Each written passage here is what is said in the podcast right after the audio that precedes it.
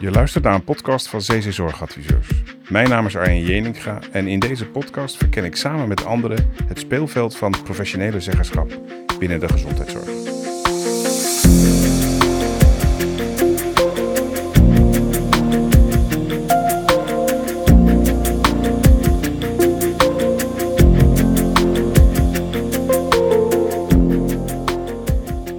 Eerste in een serie van een aantal podcasts over professionele zeggenschap in de Nederlandse zorgorganisaties.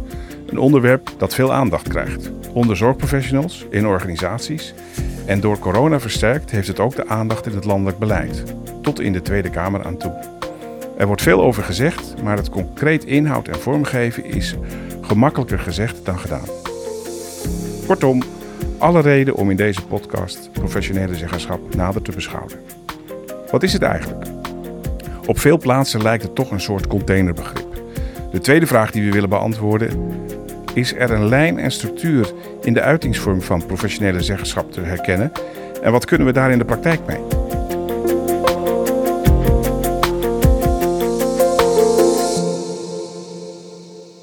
In deze podcast ontmoeten we eerst Roland Peppel. Hij behoort tot de experts in Nederland en helpt al ruim 20 jaar organisaties bij het vormgeven van professionele zeggenschap. In de volgende podcast komen mensen aan het woord die in hun organisatie ervaring hebben met professionele zeggenschap, in de praktijk en een heldere visie hebben op de ontwikkeling daarvan. Roland, je bent al 20 jaar betrokken bij de ontwikkeling van professionele zeggenschap. We mogen wel zeggen dat je op dit vlak tot de experts in Nederland behoort. Ik begrijp, de afgelopen 10 jaar met veel collega's heb je 200 zorgorganisaties hierin ondersteund. Vertel eens, je loopt al een tijdje mee in de zorg. Hoe ben je zo bij professionele zeggenschap gekomen? Ja, het is al 20 jaar, hè, jongen. Daarvoor heb ik al ruim 20 jaar ervaring gehad in, de, in diverse ziekenhuizen. En ik denk dat ik eigenlijk met dat thema eh, ja, vaker, of al toen al bezig was. Maar we noemden het gewoon niet zo.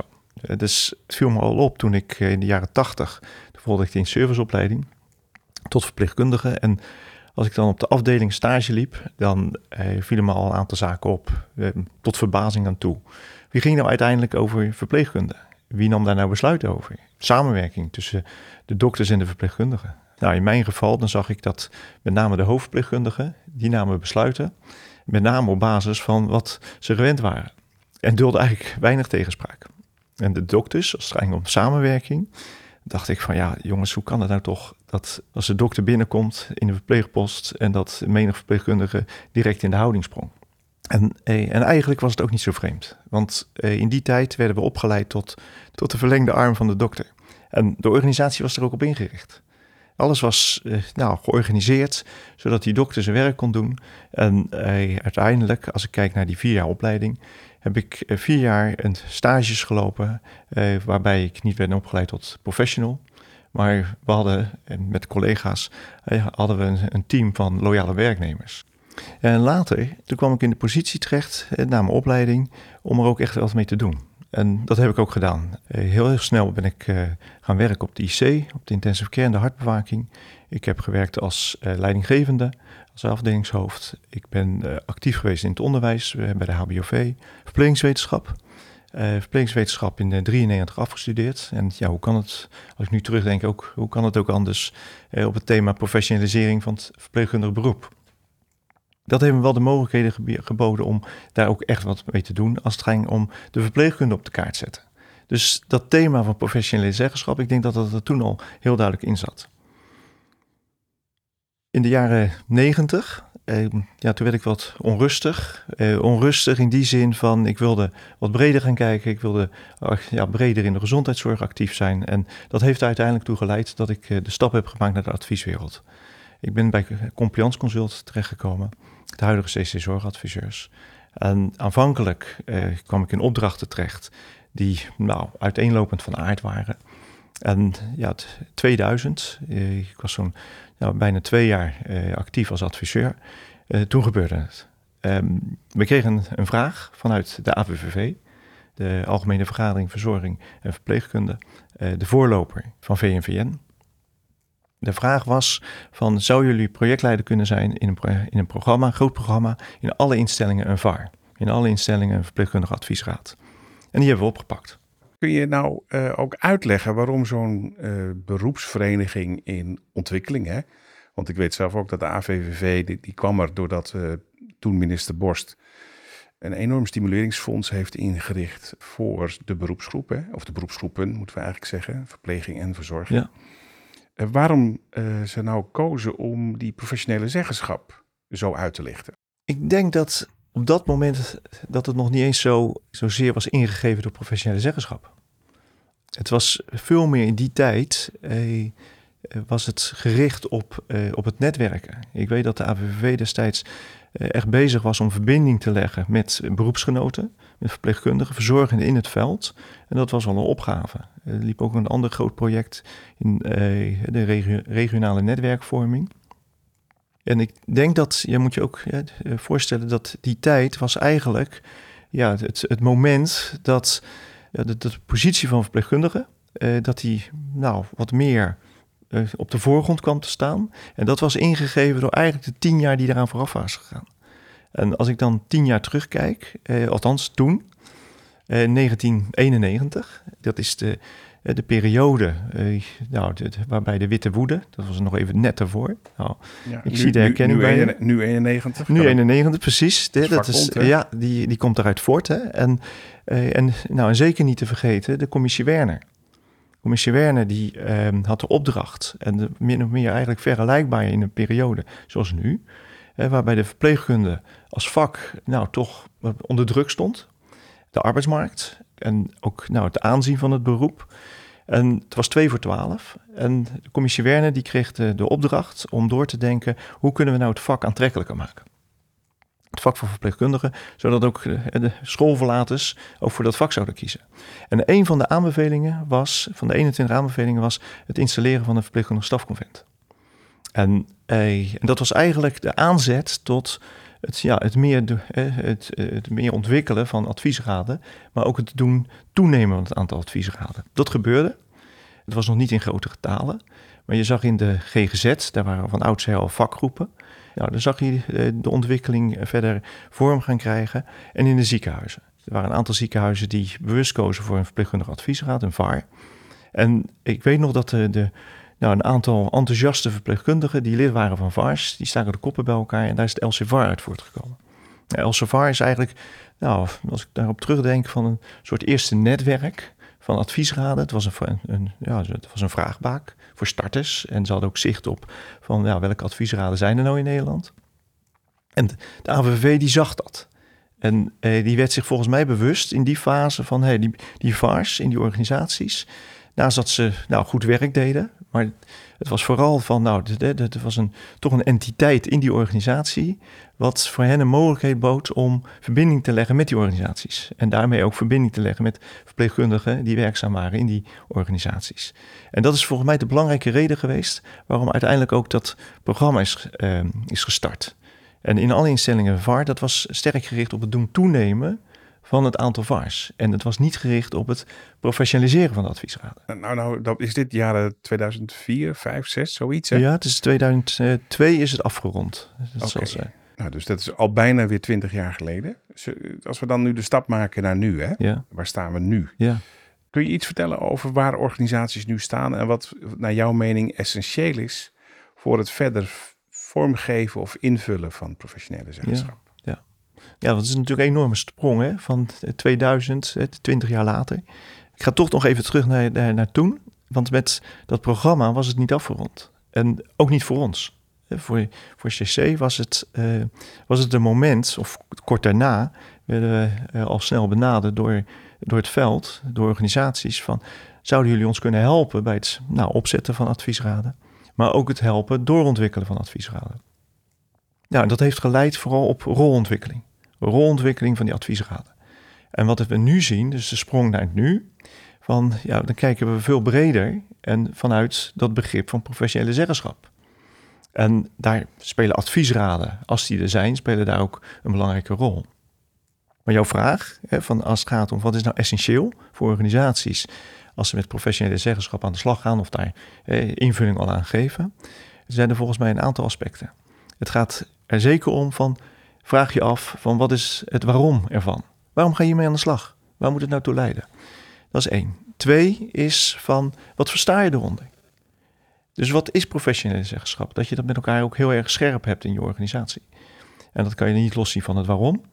En het derde is van ja, welke vorm ga je eraan geven? En dan laat ik nog even buiten beschouwing van de weg er naartoe. Dus het hele ontwikkeld traject, veranderd traject, want dat vraagt ook aandacht. Maar als het om die eerste drie gaat, eh, het waarom, wat is het en in wat voor vorm, ja, daar zou ik wel wat meer over willen vertellen. Of misschien voordat je dat gaat doen, hè, ik weet dat in de inleiding hebben we iets gezegd over de Tweede Kamer. Hè? Mhm. En dat uh, ook zij zelfs nu uh, onderkennen dat de, de, verpleegkunde een belangrijke rol speelt binnen de Nederlandse gezondheidszorg. Kun je iets zeggen over het effect van corona? Of, ja, ja misschien een beetje een raar uitstapje op dit mhm. moment, maar het speelt steeds door mijn hoofd van iedereen heeft het er nu over. Net zoals men het er blijkbaar in de jaren negentig ook over had. Ja, ja, ja. Nou, zo'n vreemd uitstapje is het niet. Um, want zou kunnen zeggen, van, nou, corona staat op zichzelf. Als ik kijk naar de ontwikkeling van professionele zeggenschap, is het voor mij een bevestiging van dat externe prikkels belangrijk zijn geweest voor organisaties om je stap in te maken. Dat is commissie Werning was een belangrijke. Um, later ook de inspectie, de eh, inspectie voor volksgezondheid, uh, nu de, de IGJ. Maar als je toen keek van, het is alweer enige tijd terug dat de inspectie eh, echt ook oog kreeg voor die verpleegkundige adviesraden. En daar ook ja, in de organisaties ook navraag naar deed van of ze er waren. Nou, dat was wel een belangrijke prikkel. Als je nu kijkt naar corona, ja, dat maakt wel wat los. We hebben gezien dat in het begin van corona, dus de eerste, de eerste, uit, de, eigenlijk de eerste uitbraak, ehm, de, de eerste golf vorig jaar, dat eh, er was een soort Pavlov-reactie eh, dat adviesraden waar, nou, waar wij contact mee hadden, maar ik hoorde het ook van anderen. Er was een soort Pavlov-reactie dat menig verpleegkundige die lid was van de, van de, van de VAR, eh, die lieten alles los en ging actief zijn in de patiëntenzorg. Van, en begrijpelijk, maar ja, als ik daar nog op terugkijk en we het er ook over hebben, van als je dat dan doet, doe dat dan bewust. Maar het was als een soort van automatisme van helpen, collega's helpen, actief zijn in die zorg. En wat waartoe leidde, was. En dat werd ook heel erg duidelijk dat in het, uh, of dat werd bevestigd in het onderzoek wat VNVN, die heeft toen een scan, de, de zogenaamde VAR-monitor, hebben ze toen uitgezet.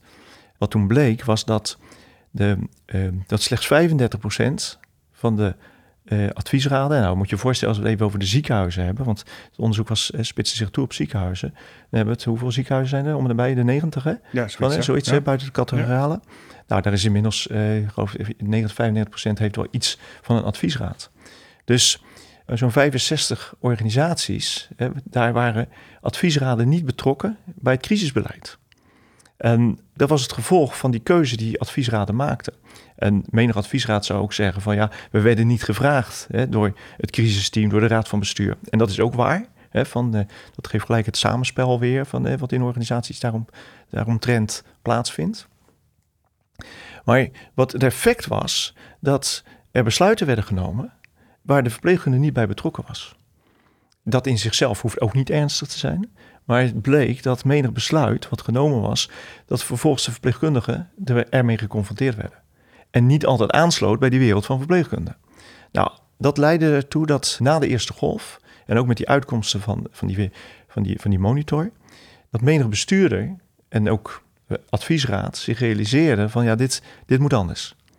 En eh, wat kunnen we dan leren van die, eerste, van die eerste golf? Dus die tussenfase in de zomer eh, heeft menig adviesraad eh, zich al voorbereid op het deelnemen. Hoe gaan we nou, welke rol gaan we spelen in de tweede golf? En ik weet nog dat we de, eh, wij hadden als CC hadden we in die eerste golf gezegd van ja, hoe kunnen wij nou bijdragen? Want wij werden ook geconfronteerd met corona. En dat, nou, heel wat activiteiten die, die kwamen stil te liggen. Dus we hebben toen, dat toen aangegrepen om de VAR Coronawijze, om die te ontwikkelen en die ook ter beschikking te stellen. En die, is, die was gericht op van welke rol kan je nou als adviesraad spelen in een crisistijd. Dus die, daar werd regelmatig naar gevraagd. Uh, en menig adviesraad die heeft zich dus ook uh, voorbereid. En wat zagen we in de tweede golf? Ja, een hele andere participatie van verpleegkundigen in, uh, als, als, het ging om het beheersen van die crisis. Oké, nou, dankjewel voor dit uitstapje in coronatijd. Ja. Eh, voordat we dat uitstapje gingen maken, had je het over drie, volgens mij drie aspecten Ja. Van de verpleegkundige adviesraad. Ja. Drie, rollen. Kun je daar, Ja. want daar wilde je Ja. graag meer over vertellen? Ja, zeker. Want wat ik eh, merk is dat er is behoefte in het veld aan ook van hoe pak je het nou ook eh, eh, systematisch aan als je met professionele zeggenschap aan de slag gaat. En dit zijn wel de drie aspecten die, die er daartoe doen. Kun je ze nog even herhalen? Die Nou, dat is het, het waarom. Wa- waarom, als je er nog niet mee, expliciet mee bezig bent. Want het is natuurlijk niet zo van dat het uit de lucht valt. Hè? Maar om er expliciet en een naam aan te geven en invulling. Dan dat je je goed afvraagt eh, met elkaar in een organisatie, waarom willen we dit? Dat is één. Twee is van, wat versta je er nou onder? Ja, en dat je daar ook met elkaar een, nou, een eenduidig eh, beeld, een eenduidige opvatting over hebt. En het, eh, het derde is van, in wat voor vorm gieten we het dan? Want er zijn ook nog wat keuzes in te maken. Dus dat eerste, dat waarom, ja, daar zien we nu dat eh, nou, over het algemeen organisaties die weten heel goed waarom ze dit willen. Eh, dat is in het verleden, en dat is ook niet eens zo gek ver achter ons, eh, maar er waren organisaties die hadden zoiets van, ja, de buren hebben het, dus wij willen ook een adviesraad. Dus dan was het vooral voor de bühne.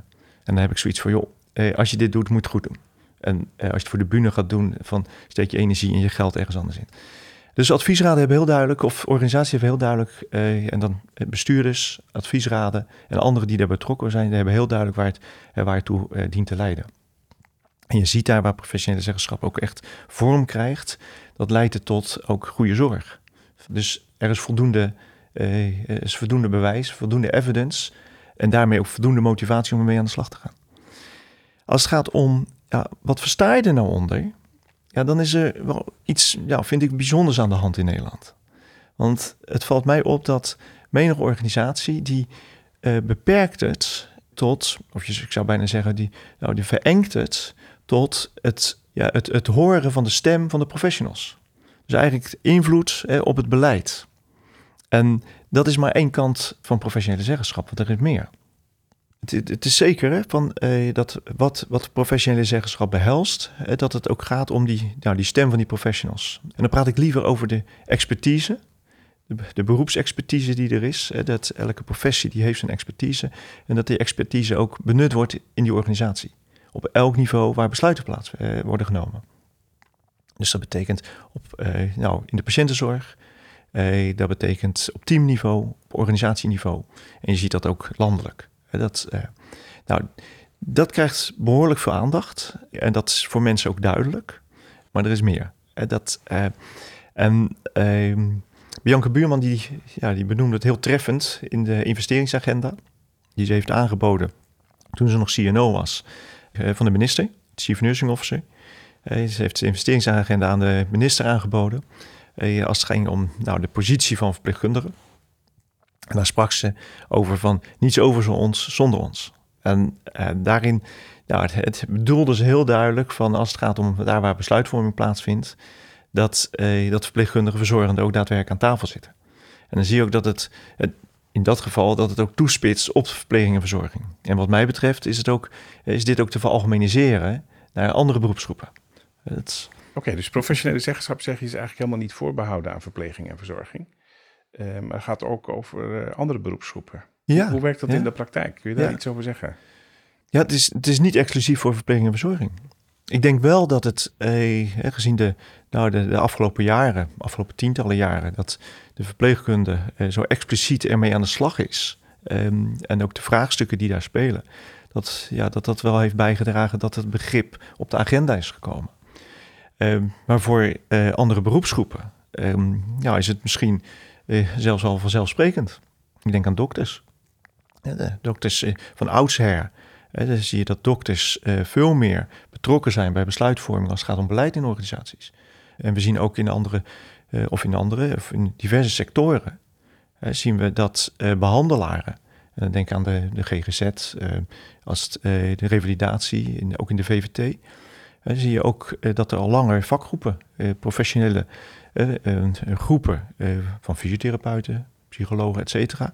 Eh, Dus eh, dat die al met elkaar inhoudelijk over, nou, of stilstonden bij, eh, bij bepaalde thema's. En eh, ook betrokken werden of worden eh, bij eh, besluitvorming in die organisatie. Dus het is, de, het, is, het is niet vreemd, het is niet nieuw. Dus daarmee is het iets wat alle professies aangaat. Nou raakte je net even de medisch specialisten aan. Hè? Je, Mhm. eh, die zijn er al wat langer mee bezig Ja. met hun eh, betrokkenheid bij besluitvorming, zei je ook. Kun je nou professionele zeggenschap als het gaat om verpleging en verzorging vergelijken met professionele zeggenschap van medisch specialisten? Of zijn er ook grote verschillen tussen? Ik zou me kunnen voorstellen dat als we de- die vraag in het veld stellen, dat menig verpleegkundige zal zeggen, ja, er zijn heel veel verschillen. En als ik kijk naar, het, naar de beweging, de ontwikkeling van professionele zeggenschap, dan zijn er meer overeenkomsten dan verschillen. De overeenkomsten die zitten voorop als het gaat om de principes. Als het gaat om principes als eigenaarschap en verantwoordelijkheid nemen voor je eigen, voor je eigen beroep. Verantwoordelijkheid nemen voor je eigen beroepsontwikkeling. Dat zijn eh, principes die zijn vergelijkbaar. En dat zien we ook nu. Hè, dat eh, menig eh, bestuurder, die hoor ik zeggen van ja, eigenlijk de ontwikkeling van de verpleegkunde. En dan wordt vaak, hè, de, dan doelt een bestuurder vaak eh, de ontwikkeling van een adviesraad. Eh, adviesraad naar verpleegkundig stafbestuur. Dat die zich eigenlijk zo, ja, als het gaat om de, de inbreng van de expertise, dat die zich zou moeten eh, ja, manifesteren, meer moeten manifesteren zoals de dokters dat doen. En dan heb ik het wel over de vakinhoud. Want dat is een verschil met, hè, tussen verpleegkundigen en dokters. Als het gaat om bijvoorbeeld financiële belangen. En ja, daar is een verschil. Maar daar hebben we het niet over als het gaat om professionele zeggenschap. De professionele zeggenschap spitst zich echt toe op de vakinhoud. Oké. Hè, Dat, dat is een belangrijke ook. Hè, Dat, en de verschillen ja, die er zijn, die, die spitsen zich toe in veel meer de, ja, de positie. Hè, De verpleegkundigen die hebben een andere positie in de organisatie dan dokters. Hè, Dat, eh, en dat de infrastructuur die er is, hè, als het gaat om de, beroeps, eh, de beroepsgroep verpleegkunde of de beroepsgroep van de geneeskundigen, ja, die is anders. En daar zitten de verschillen. Maar de principes, Ja, hetzelfde. ja. Oké. Ja. En vandaar ook de verbinding met andere professionals, waar in feite ook dezelfde Ja, principes gelden. ja, het is wel zo dat de verpleegkunde, eh, dat, en dat zien we op, op dit moment in veel organisaties, en dat dat besef aanwezig is, dat op dit vlak de verpleegkunde als beroepsgroep een emancipatie aan het doormaken is. Dat, en zeker in, als het gaat om de, de organisatie waar behandelaren en, ehm, en, en, en dokters eh, al van oudsher wel die invloed hadden. Ja, zie je dat, eh, eh, zie je heel duidelijk dat, dat, ja, dat, ik noem het maar even, de, dat verpleging en verzorgingen daarin een been bijtrekken. Oké, we hebben nu gekeken naar een aantal wer- werkende, of werk, ja, werkende principes binnen professionele zeggenschap. Mhm. We hebben gekeken naar de historie, Mhm. hoe het de afgelopen jaren tot stand gekomen is. En we, naar het hier en nu, waar we nu staan. Als je nu kijkt hè, naar eh, waar jij als adviseur nu mee bezig bent. Ja. Wat zijn dan de grote thema's voor de komende periode? Ja, voordat ik dat doe, want, het, want er is nogal even iets te zeggen over van wat is het? Want ik noemde dat het ehm, professionele zeggenschap hè, zich ehm, richt op de stem, de expertise inbrengen van verpleegkundigen, verzorgenden, behandelaren, dokters, etc. De andere kant is dat het gaat ook om zeggenschap over de eigen beroepsontwikkeling en de eigen beroepsuitoefening. En dat is iets wat niet overal aandacht krijgt. Dat wordt vooral gespitst op van nou invloed hebben op beleid. Maar juist organisaties die ook het doorhebben dat het gaat er ook om dat die beroepsgroep iets te zeggen heeft, iets of juist alles te zeggen heeft over van ja, wat moeten we nou bereiken? Wat dienen we te bereiken in onze beroepsuitoefening op patiënt- en cliëntniveau? En wat hebben we daar dan in te ontwikkelen om dat ook daadwerkelijk te realiseren? Nou, en dat niet anderen daar besluiten en keuzes in maken. Nou, dat vraagt ook iets van die beroepsgroepen. Om dat te kunnen doen. Dus het zijn twee bewegingen. Eén is de beweging die gericht is op beleid. En de andere is een beweging die gericht is op de beroepsuitoefening. De, de, de uitvoering. Oké, nou, als je dan vanuit die twee perspectieven Ja. kijkt naar de ontwikkelingen in de toekomst, hè? Ja. Wat zie je dan gebeuren? Ja, wat ik in de toekomst, ehm, ja, dat is niet los te zien van, eh, eh, van het nu. Van als het gaat om van eh, wat zien we dan? En dan kom ik eigenlijk op dat derde aspect. Wat naast het waarom, wat is het? Eh, ehm, op wat voor manier geef je het dan vorm? En we staan nog midden in een ontwikkeling. Ik ben er dan twintig jaar mee bezig. En dat betekent dat organisaties daar ook twintig jaar mee bezig zijn. Of eigenlijk langer. Dus we zijn al wat decennia bezig. En toch, als het gaat om die hele ontwikkeling van professionele zeggenschap, dat is niet af. En daarin is het belangrijk van ook in wat voor vorm eh, wordt het dan ook gegoten? In wat voor vorm krijgt het dan ook een gezicht in een organisatie? Nou, en daar zien we eigenlijk drie, op dit moment drie structuren waarin professionele zeggenschap ook daadwerkelijk vorm en inhoud krijgt. En dat is anders dan de afgelopen jaren, waarbij met name die rolontwikkeling van die adviesraad aandacht kreeg. En dat het nu vormen zijn die echt op professionele zeggenschap gericht zijn. Die drie vormen, de eerste, ja, wij spreken dan vanuit CC van, van de, de één op één vorm. Waarbij organisaties ervoor kiezen om te starten met een adviesraad. En dan zie je dat er een adviesraad wordt opgezet en die samenwerkt met de raad van bestuur. De raad van bestuur als, als, als adviesvrager en eh, graag wil weten van hoe professionals nou tegen een bepaald vraagstuk aankijken. En dat kunnen ook andere uh, groepen zijn. Dat kan uh, binnen een organisatie kan ook een vakgroep en een MT zijn, een managementteam, die samenwerken. Maar je ziet dus eigenlijk op ja, beperkte schaal gaat, gaat het invulling krijgen. Dat staat nog los van de organisatie. De adviezen die komen op, nou, op de bestuurstafel terecht. Daar worden ze al dan niet worden ze overgenomen. En dan komen de adviezen in de staande organisatie terecht. En de verbinding die de, nou, zo'n adviesraad heeft met de eigen beroepsgenoten, ja, die kan er zijn dat beroepsgenoten betrokken worden, geraadpleegd worden als het gaat om te komen tot een advies. Dus dat is de één op één vorm. Ehm, die is nog beperkt. als je kijkt naar een, een, een, vorm die daarop volgt, je zou kunnen zeggen van, nou misschien ook wel een fase. En dat zien we ook gebeuren, want er zijn organisaties die krijgen, als die gestart zijn met een adviesraad, en nou, die krijgen wel de smaak te pakken. Er zijn, ik kom menig bestuurder tegen die zeggen van, ja, ik wil mijn adviesraad niet kwijt. En die verpleegkundigen, verzorgenden, maar ook hè, op dit moment zie je dat heel duidelijk in de, eh, in de VVT-organisaties, die multidisciplinaire adviesraden, de PARS. Ja, die krijgen de law in. Ja, als het ware komen ze ook in de volgende fase terecht. Maar de volgende fase, als het ware daarin terechtkomen, het risico is dat er ja, al werkende weg dat dat ontstaat. Nou, ik vind het belangrijk dat organisaties ook zich bewust zijn van dan die volgende vorm. Nou, en dat noemen wij dan de partiële vorm. En dat houdt in dat een, nou, meer mensen betrokken raken bij die professionele zeggenschap. En denk aan ja, het, uh, meer professionals, maar ook opleiders. En dat die in een soort netwerk, een professioneel netwerk, gaan samenwerken. En nou, dat, dat het zich ook ontwikkelt naar een netwerk waarin gecoördineerd wordt. Je ziet dat zo'n adviesraad zich dan kan doorontwikkelen naar een soort coördinator. Die vraagstukken ook in zo'n netwerk gaat onderbrengen. En je ziet dat die, nou, zo'n zo coördinerende groep ook meer betrokken is bij, bij strategie, bij strategie en beleid.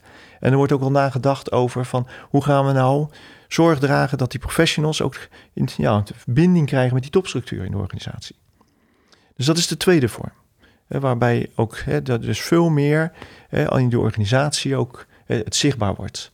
Je ziet ook trouwens daarin eh, dat er een samenwerking ontstaat tussen de lijn, het management, en zo'n professioneel netwerk idealiter dat het management ook daarin faciliterend gaat zijn.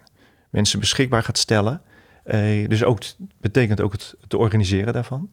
Eh, beschikbaar gaat stellen dat mensen actief kunnen zijn in eh, bijvoorbeeld werkgroepen ten behoeve van beroepsontwikkeling. Dus dat is de tweede vorm. Nou, die derde, mhm. ja, dat is een uh, vorm en, waarbij je eigenlijk die hele organisatie eraan meedoet. En wij spreken over de, de systemische vorm. En dan moet je je voorstellen dat zijn organisaties die, die heel duidelijk een visie hebben. Ehm, eh, op professionele zeggenschap. Waartoe moet het leiden? Wat betekent dat voor, uh, beroeps, uh, voor beroepsgroepen? Wat betekent dat voor een ieder in die organisatie? Dus je ziet het in de strategie tegenkomen, ook heel duidelijk naar richting toekomst. Maar ook vertalen naar beleid. Verschillende beleidslijnen die er zijn. Eh, die heel duidelijk bijdragen aan het ontwikkelen van professionele zeggenschap, maar vooral ook eh, dat het werkt en dat het tot de resultaten leidt in die patiëntenzorg. En, um, en dat het leidt tot patiënten, niet alleen resultaten in de patiëntenzorg, maar ook als het gaat om die beroepsontwikkeling. Dat beroepsgroepen zich optimaal kunnen ontwikkelen om ook optimaal bij te dragen in die patiënten-cliëntenzorg.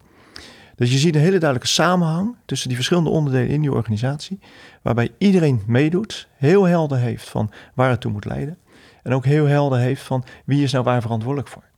Nou, um, je zou kunnen zeggen, in Nederland staat dat nog toch wel wat in de kinderschoenen. En je ziet uh, op dit moment wel een aantal organisaties die er erg mee bezig zijn, eh, die daar aanzetten door hebben gemaakt. Je kan me ook voorstellen dat menig, menigeen uh, in organisaties zeggen van nou, dat is nog wel heel ver van mijn bedshow. kan ik me ook voorstellen. Van, maar niettemin, we zien nu de eerste organisaties die daar mee bezig zijn. Uh, die zich ook sterk laten inspireren door nou, bewezen concepten. Een belangrijke, denk ik, in Nederland is dat er toch ook heel duidelijk gekeken wordt naar, eh, naar, naar Magnet. Mm De Magnet Hospitals in de, afkomstig vanuit de Verenigde Staten. En dat er wel een belangrijke inspiratiebron is. En je ziet dan ook de concepten die daar dan weer mee samenhangt, als bijvoorbeeld shared governance. Die richting geven aan zo'n organisatie, omdat het ook dan een, nou, een, besturingsfilosofie is, maar ook tegelijkertijd ook het, ja, richting geeft aan hoe, hoe structureer je dat nou? hoe kom je nou tot een ondersteuningsstructuur die die professionele zeggenschap ook echt helpt vorm te geven? Ja. Nou beschrijf je een ontwikkeling van een, een adviesraad tot echt een op systeemniveau een mhm. geïntegreerde manier van professionele zeggenschap. Hè? Dat vraagt nogal wat van organisaties. Ja, ja. Ehm, welke keuzes moeten zij nu maken naar jouw idee of maken zij nu? Ja, ja, nou ja, wat ik belangrijk vind voor een organisatie, en ik gun iedere organisatie dat professionele zeggenschap, eh, dat dat ook een succes is. Want niets is, uh, is zo zonde wanneer je er veel energie in steekt uh, en dat, dat het niet lukt. dat, en we zien dat organisaties, ongeacht hè, in welke fase ze verkeren, van of je nou startend bent als VVT-organisatie, die, hè, die nou wellicht ingegeven door het kwaliteitskader, hè, wat, eh, wat binnen de VVT-wereld door een belangrijk eh, in 2017 richting heeft gegeven hè, aan, aan de ontwikkeling van de VVT. En waaronder ook professionele zeggenschap binnen de VVT-wereld. heeft echt een boost gegeven. Of je dan een organisatie bent die dan ervoor kiest om met een, stad, een adviesraad te starten, het zijn een VAR of een PAR.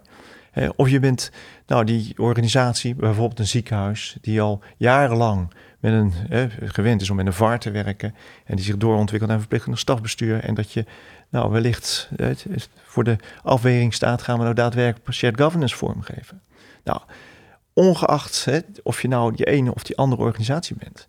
Beide doe je er verstandig aan om stil te staan van, en dan kom ik weer terug op het waarom. Hè, van waarom zou je hier nou mee aan de slag willen? Van uh, hoe gaan we dit dan vormgeven? En dat het ook past bij je organisatie. En dat is niet alleen je organisatie, maar ook met name bij de mensen die erin betrokken zijn. Ik kom adviesraden tegen die uh, hebben een ambitieniveau van nou heb ik, daar. Terwijl de potentie die in de groep aanwezig is, die is niet in verhouding daartoe. Van, uh, of dat de samenwerking met bijvoorbeeld nou, de raad van bestuur of samenwerking met management, dat dat nog niet zo is vormgegeven om dat waard, daadwerkelijk dan ook die ambitie waar te maken. Dus het moet echt passen bij je organisatie, bij je mensen die, die er zijn. Uh, wat ook een hele belangrijke is, dat eh, degenen die, betrokken zijn om er ook echt de vorm en de, nou ik noem het ook even de, leiding en de richting in, die de richting eraan geven, dat die ook daadwerkelijk de leerruimte hebben om dat ook in te vullen. Want het installeren van een adviesraad, dat betekent dat je patronen gaat doorbreken. Dat er andere mensen aan tafel komen te zitten. En dat is dan niet alleen voor die adviesraad, of voor het stafbestuur, die aan de bestuurstafel komt te zitten, van dat er leerruimte nodig is, maar ook voor al die anderen. Want de patronen die er waren, die worden doorbroken. En het vraagt ook al gedrag van juist ook die anderen, om er uiteindelijk een succes van te maken. Dus leerruimte ook voor een ieder die daarin betrokken is. Roland, dankjewel voor je verhaal. Uh, twintig jaar professionele zeggenschap in Nederland kwam even voorbij. Je eindigde met het patronen doorbreken en dat er dingen echt veranderen.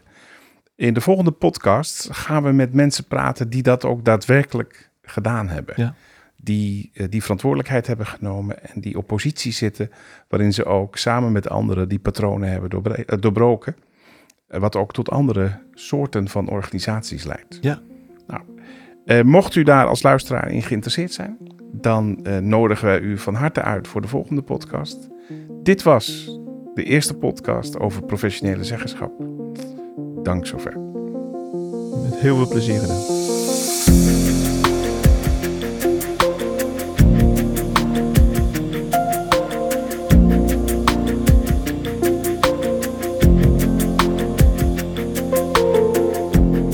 Bent u geïnteresseerd geraakt naar de verhalen over professionele zeggenschap? Roland zal in de volgende podcast mensen ontmoeten die een heldere visie hebben op professionele zeggenschap in de praktijk wat ze daarmee beogen en hoe zij dat in hun organisatie vormen.